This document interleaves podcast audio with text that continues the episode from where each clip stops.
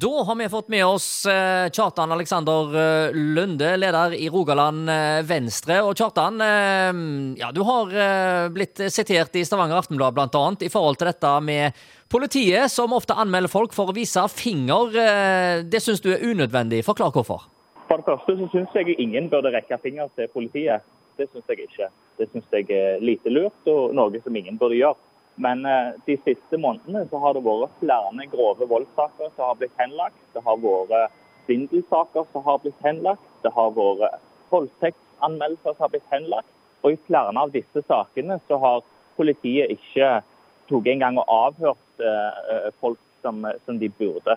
Så de har eh, nedprioritert veldig viktige saker som de burde ha gjort noe mer med. og da blir det veldig merkelig at oppi dette så går de ut og bruker ressurser og anmelder noen som, eh, som rekker ting til dem.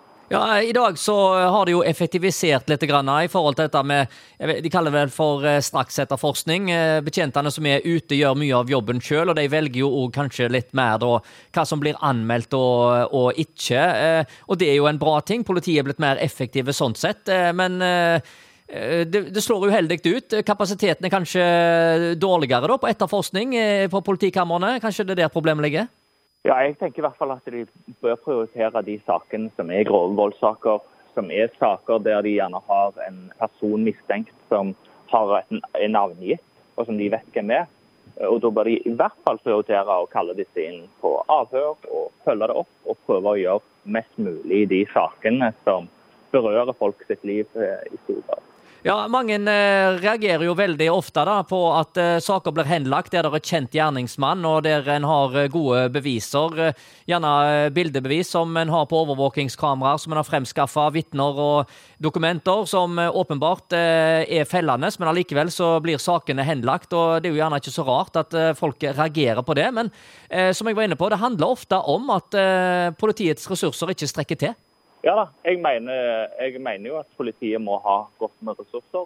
Men så er det samtidig viktig at politiet bruker de ressursene de har på en god måte. Og jeg tenker jo at Når det er kjent gjerningsperson, så bør de alltid prioritere å etterforske de sakene. Og nå, bruk, nå var det eksempler på at de brukte ressurser på ting som kanskje ikke var så viktig, og som de kunne prioritert vekk. Og så sier de at det ikke tar ressurser, men det tar selvfølgelig ressurser når de må lage anmeldelser, når politijuristene på politihuset må bruke tid på å, å grave opp i det og se på bevis og hvordan de skal forfølge det videre. Og så er det vel kulturelt eh, betona litt grann også i forhold til hva politifolk tåler, har jeg inntrykk av. Eh, lenger nord i landet så virker det som om eh, tjenestemennene tåler mye mer. Ja, det, har vært noen eksempler på at det, det kan se sånn ut. Men samtidig, jeg mener jo at ingen burde, ingen burde vise fingeren til politiet, og vi bør behandle dem med, med, respekt. Men det var akkurat det at det ble brukt mye ressurser på akkurat dette nå.